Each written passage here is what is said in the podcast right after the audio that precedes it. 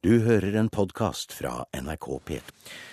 I Kulturnytt som begynner nå, så skal det handle om slutten. Ugo Fermariello. Slutten på det hele, så vidt vi vet, er tema mot slutten av Kulturnytt. Vi begynner derimot slik. Arbeiderpartiet vil at hele kulturskolen skal bli en del av skolefritidsordningen, SFO. Det kommer frem i forslaget til nytt partiprogram som Arbeiderpartiet la frem denne uken. Høyre mener det vil føre til at kvaliteten i undervisningen svekkes, som bl.a. vil kunne ramme disse elevene på Tøyen skole i Oslo. Jeg spiller fiolin, og Jeg spiller trompet. det som er så gøy og kjekt, er at eh, vi lærer veldig masse. Og så det, er det er et veldig fint instrument. Mohammed Yamo og Arimita Tifi sitter i klasserommet på Tøyen skole. De er på øving ved skolen sitt symfoniorkester, og er to av 130 elever på skolen som får tilbud om instrumentalopplæring. Og det er veldig gøy, og vi lærer når når vi spiller, så får vi flere kunnskap og sånt i timene. Så det er veldig gøy. Men nå kan det hende at symfoniorkesteret på Tøyen og over 200 lignende prosjekt landet over spiller på siste vers. Denne veka la Arbeiderpartiet fram nytt program for valget til høsten. For å få ned de lange ventelistene ønsker de å få kulturskolen inn i SFO. Stortingsrepresentant for Høyre, Olemic Thommessen, frykter en kulturskole med et dårligere undervisningstilbud. I en kulturskole vil du jo få musikkundervisning av en musiker. I en større SFO-sammenheng så vil du ikke ha de små gruppene og de én-til-én-situasjonene som den type undervisning forutsetter. Der man har en eh, gruppeundervisning eh, innenfor rammene av SFO, vil være å vanne ut kulturskolens innhold og kvalitet. Og det vil være å gi et dårligere tilbud, riktignok til fler, men det vil i realiteten være et angrep på kulturskolens egenart, som handler om at kulturskolen skal være noe mer enn og noe annet enn vanlig skolegang og SFO. Men Thommessen er ikke alene. Han får støtte fra leder for symfoniorkesteret på Tøyen, Sissel Larsen, som tviler på kvaliteten i ordninga som Arbeiderpartiet foreslår. Man må i alle fall eh, hele tiden tenke kvalitet i eh, undervisningen. Ikke komme med sånn masse eh, mønstring av kulturskoletilbud med 30 unger inne på én time og si at alle har kulturskoletilbud. Det er helt feil. Arild Stokkan Grande i Arbeiderpartiet forstår ikke kritikken til Thommessen og Larsen, og beskylder Høyre for å være eliteorienterte. Ja, det er jo vante toner fra Høyre, det. Vi har nå foreslått at alle barn, og ikke bare noen få, skal få muligheten til å få et kulturskoletilbud. Men når det gjelder situasjonen for symfoniorkesteret på Tøyen, er Stokkan Grande ikke bekymra. Både skole og kultursen må hive seg rundt og gripe denne muligheten. For her gis det mer midler til lærerstillinger og den type ting, for å utvikle dette tilbudet øh, øh, enda mer. Så jeg eh, mener at det bør overhodet ikke være noen grunn til å frykte øh, en nedleggelse. Tvert imot, kanskje en styrking av det. Tilbake på orkesterprøver på Tøyen skole er Arimita Tifa sikker på hva hun synes er kjekkest med undervisninga. Det er veldig gøy å lære nye ting. Og reporter var Camilla Indestad. Agnes Moxnes, kulturkommentator. Hvorfor kommer Arbeiderpartiet med dette forslaget nå? Du må se litt eh, tilbake til 2005, da den rød-grønne regjeringen inntok eh, regjeringskontorene. fordi at da kom de med det berømte Kulturløftet. Mange av oss vet jo at de bl.a. lovet at de skulle at 1 av eh, statsbudsjettet skulle gå til kultur i løpet av regjeringens eh, sitteperiode. Og det kommer de antageligvis til å innfri. Men eh, når det gjelder eh, et eh, annet løfte, nemlig løftet om kulturskole til alle, for det er det som står i Kulturløftet, det står at alle barn som ønsker det, skal få et kulturskoletilbud av god kvalitet og til rimelig pris, så er det et løfte de ikke har klart å innfri. Og De siste tallene de er ganske gamle, det er tilbake til 2009 eller 2010. De viser at eh, ca. 110 000 barn har et tilbud, mens mer enn 27 000 barn står i kø. og Ifølge Kulturskolerådet så er antageligvis disse tallene ganske stabile. Så det man kan konkludere med her, er at regjeringen og Arbeiderpartiet har ikke gjort en god nok jobb. Og det de holder på med nå, er å komme seg på banen igjen før valget. Ja, for de har vært på denne ballen før, de. Bare hør her.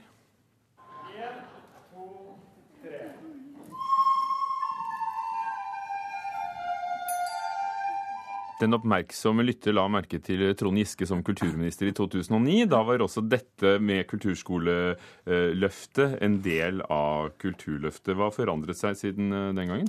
Ja, altså Dette er en legendarisk pressekonferanse vi hørte fra her. Trond Giske han fikk med seg hele regjeringen med Jens Stoltenberg i spissen og alle journalistene til å spille blokkfløyte. Og da sa Trond Giske at eh, nå har vi 25 000 barn i kulturskolekø, og det må vi gjøre noe med. Men det har altså ikke skjedd så veldig mye.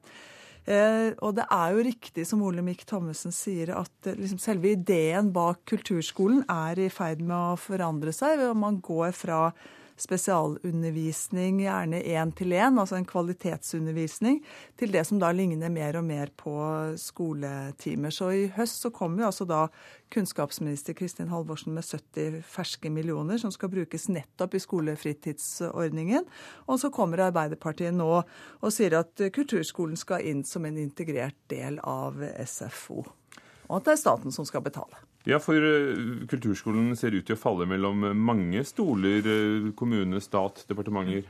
Ja, altså det jeg tenker er at uh, de øvrige kulturløftene har det vært veldig viktig for, de sittende kulturministrene å innfri. Det har vært en ambisjon å vise at de har fått til dette her. Men kulturskolene har ikke vært en del av Kulturdepartementets ansvar, derimot Kunnskapsdepartementet. Og eh, jeg tror ikke de har hatt eh, nok energi, eh, og det har ikke vært viktig nok for dem å vise at dette her skulle de klare å løfte. Og det er jo da helt typisk at når nå løsningen begynner å komme, så er det innenfor skolesystemet og ikke utenfor. Agnes Moxnes, takk.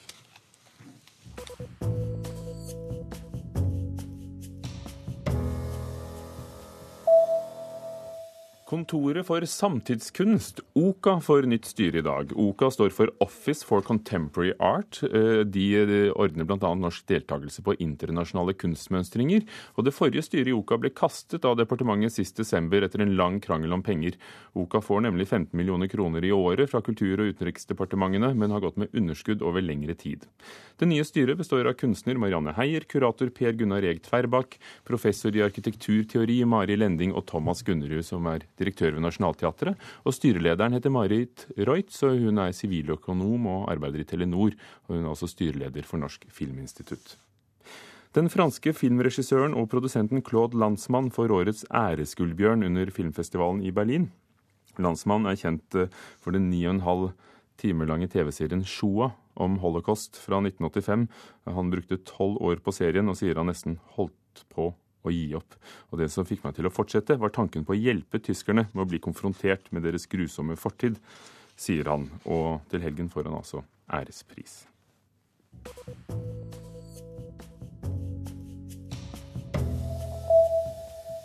Musikkbransjen vet ikke selv hva de skal med Rock City i Namsos. I går kveld holdt musikkbransjen allmøte om rockesenteret under Bylarmfestivalen.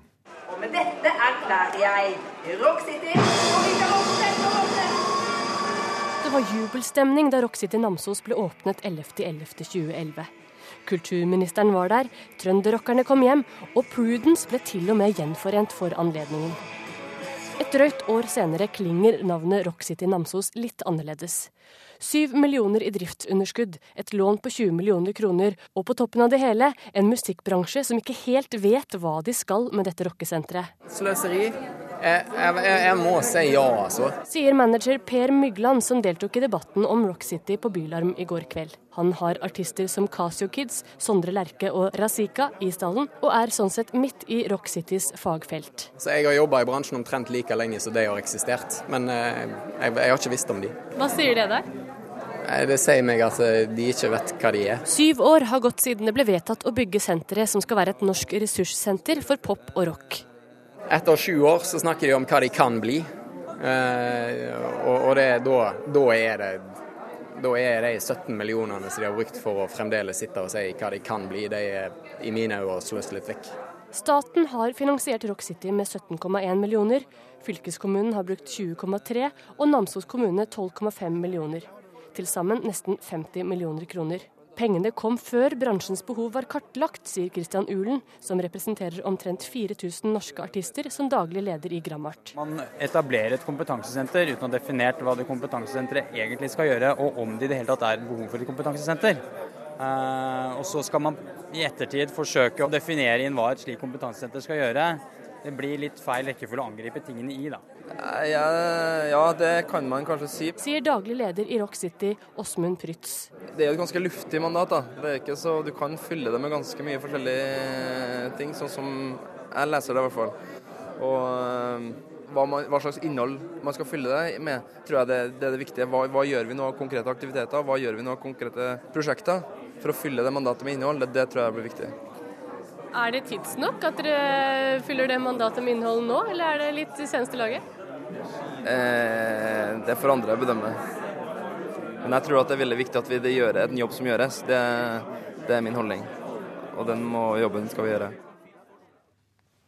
Sa Åsmund Prytz, som er daglig leder i Rock City Namsos, til reporter Ina Strøm. Og Kulturdepartementet, som har utarbeidet dette mandatet til Rock City, hadde ikke anledning til å kommentere denne saken i går kveld. Først på teater. Norske teatre formidler gammeldagse og stereotype bilder av menn og kvinner. Det mener teatersjef ved Hålogaland teater, Nina Wester. Hun har hentet svensk regihjelp for å sette opp et eksempel på det motsatte. En musikal om en transedronning som jakter på kjærligheten etter en mislykket kjønnsoperasjon. Hør du hva jeg sier? Med megafon og lilla platåhæler så finpusser transedronninga på stilen for kveldens premiere. Hun tar sin plass og krever å bli hørt, sjøl om hun er verken kvinne eller mann.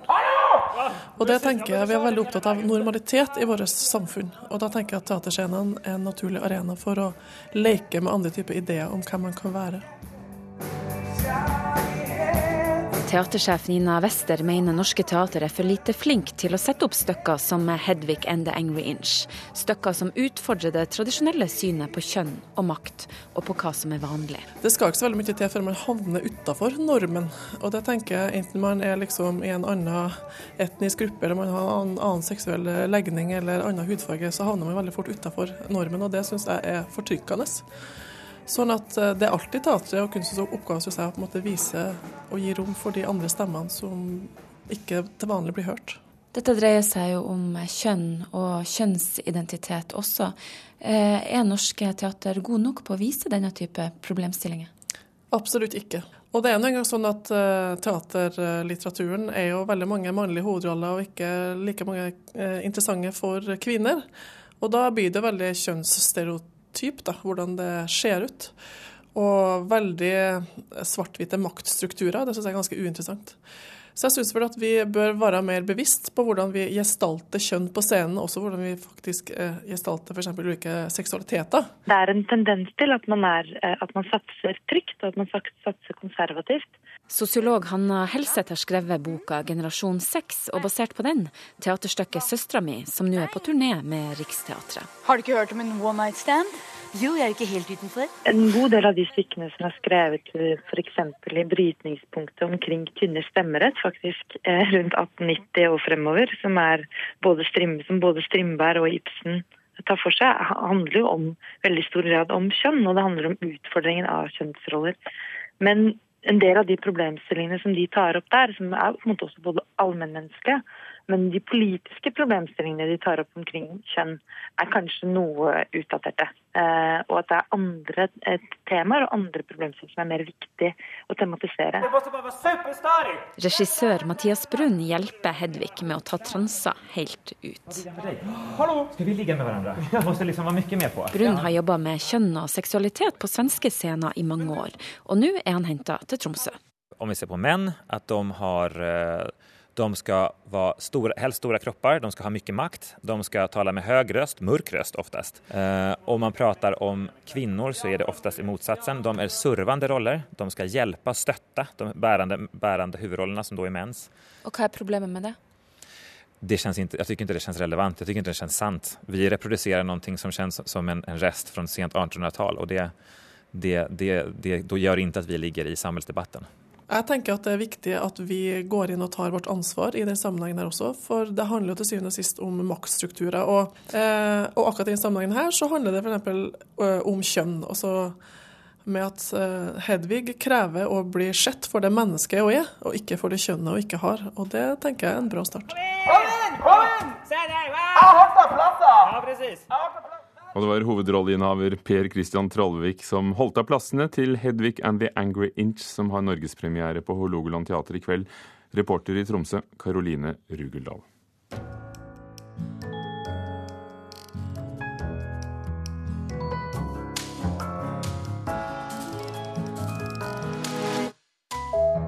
De populære barnebøkene om Karsten og Petra er blitt filmatisert. NRKs anmelder Birger Vestmo mener dette er blitt en varm og trygg filmopplevelse for de minste kinogjengerne. Sånn akkurat passe spennende. Hva tegner du? Løveungen. Det er kosedyret mitt. Jeg har en kanin. Alle tre- til seksåringer kan glede seg. Kongen av norsk barnefilm, Arne Lintner Næss, har filmatisert Tor Åge Bringsvær og Anne G. Holts bøker om Karsten og Petra. Her fremheves hygge og idyll, samtidig som dramatikken holdes på et enkelt nivå som målgruppa forstår. De som er ute etter problematiserende barnefilm, må lete andre steder, men jeg har stor tro på at det her vil gå rett hjem hos barn i barnehagealder. Tror du kanskje at Bassa kan finne frekken kanin? Ja, vi kan jo forsøke. Ja! Karsten, spilt av Elias Søvold Simonsen, grugleder seg til å begynne i ny barnehage, men der blir han raskt venner med Petra, spilt av Nora Amundsen, samtidig som deres respektive kosedyr, Løveungen og Frøken Kanin, også finner tonen. Det brygger dog opp til et trekantdrama. Ei anna jente føler seg utestengt fra leiken, noe som etter hvert får skumle konsekvenser for Frøken Kanin. Frøken kanin er ikke her! Ja? Filmens manus er skrevet av Line Fogner Grunfeldt og slår tidlig an en varm grunntone, der det meste skal være trygt og harmonisk. Her fins verken stressede foreldre eller barn med atferdsvansker. Det finnes hint til voksenlivets problemer, men de er milde. Barnas fantasi beskrives gjennom animasjon og drømmescener. Filmens spenningsmomenter er basert på barns separasjonsangst og frykt for avvisning, men skildres varsomt så det ikke skal bli altfor vondt og skummelt. Det er nok en klok vei å gå, filmens svært unge målgruppe tatt i betraktning. Pappa, dette er Karsten, min aller beste venn. Nå har dere møtt hverandre. Både Nora Amundsen og Elias Søvold Simonsen er flinke og søte. Ikke all dialog flyter like enkelt, men de scorer høyt på sjarmfaktoren. Også de voksne, bl.a. Janne Formoe, Hilde Lyron og Ivar Nørve, finner seg til rette i filmen, men det er litt pussig at de ikke snakker voksent seg imellom. De har en barnlig språkføring som virker å være tilpassa dem som først og fremst skal høre dem. Det høres litt rart ut i mine voksne ører, men fungerer trolig fint for de små. Alle småbarnsforeldre kan trygt ta med seg småttingene sine på kino. Karsten og Petra blir bestevenner, har et akkurat passe spenningsnivå for de minste. Det kan òg være godt og trygt å se en barnefilm som ikke spekulerer i kort konsentrasjonsevne med heseblesende action. Dette er altså en fin film for en aldersgruppe det ikke lages plagsomt mange filmer for. Men allerede neste år kommer film nummer to, og før det skal Karsten og Petra òg bli TV-serie. Som oftest vil ende godt til sist. Karsten og Petra blir bestevenner slik Birger Vestmo så den. Som oftest vil det ende godt, hørte vi. Og årets Borealisfestival i Bergen handler nettopp om enden om døden, med samtidsmusikk og lydkunst. Og derfor begynner vår reportasje om Borealisfestivalen i Urnehallen under kapellet. Så lenge det er dagslys, så klarer vi oss. Anne Bjordal Jønsson fra Gravplassdyremaktene i Bergen tar oss med ned i kjelleren til Solheim kapell til det nedlagde kolumbariet. En urnehall er vel kanskje et ord som flere forbinder noe med. Her har det stått ørner med aske etter avdøde, som etter den tids lovgivning var gravlagt her. Urnene ble flytta da ny lovgivning kravde at de skulle gravlegges i jord. Men kjensla av å være en stad som handler om det jordiske livets ende, sitter fremdeles i vegger og bågeganger med falmende murpuss.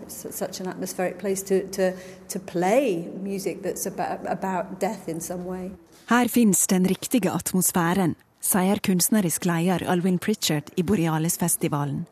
De vil nemlig at vi skal tåre å nærme oss døden. Like it if it was much more part of life, of, of being very old and, and, and. The End, eller endepunktet i alle tydinger, Endings, decay, er temaet for årets festival. Borealis fokuserer på eksperimentell samtidsmusikk og lydkunst, og varer fra 21. februar til 10. Da er det klangen fra de åtte kontrabassene til italienske Ludus Gravis som skal fylle den gamle urnehallen. Under Borealis-festivalen, og reporter var Turid Rogne. Erik Skjoldbjergs kommende norske thriller 'Pioner' med Aksel Hennie i hovedrollen er solgt til USA. Ifølge VG viste de norske produsentene et tre og et halvt minutt eh, langt klipp av den uferdige filmen under festivalen i Berlin denne uken. De fikk napp hos selskapet Magnolia Pictures, som bl.a. har tatt seg av Lars von Triers filmer i USA. Thrilleren, som får norsk kinopremiere til høsten, er lagt til 70-tallet og handler om nordsjødykkere. Og nå til italiensk politisk krangel om Melodi Grand Prix. Quante belle donne, che bello, come siete eleganti. Anche io ho fatto delle cene eleganti, però voi siete diverse, siete vestiti qua. Den tidligere italienske statsministeren Silvio Berlusconi og hans partifeller anklager den italienske melodifestivalen i San Remo for å politisk. Partiet mener sjefen for TV-kanalen Rai må gå av. Blant annet er de ikke nådige mot denne parodien vi hører her på Berlusconi selv, hvor komikeren sier at eh, 'jeg har vært på elegante eh, fester før, jeg', sier han, men dette er annerledes. Dere er påkledde. Og Rai, eh, TV-kanalen, svarer med at alle partier fikk gjennomgå av komikeren. Men det ble buing, og de krangler om det hver dag på førstesiden i italienske aviser, og dette er tema i Kulturnytt også i ettermiddag klokken 16.30. Kulturnytt var ved Hanne Lunås, teknisk ansvarlig, Gjermund Jappé, produsent, og programleder Ugo Fermariello, og dette er Nyhetsmorgen. Du har hørt en podkast fra NRK P2.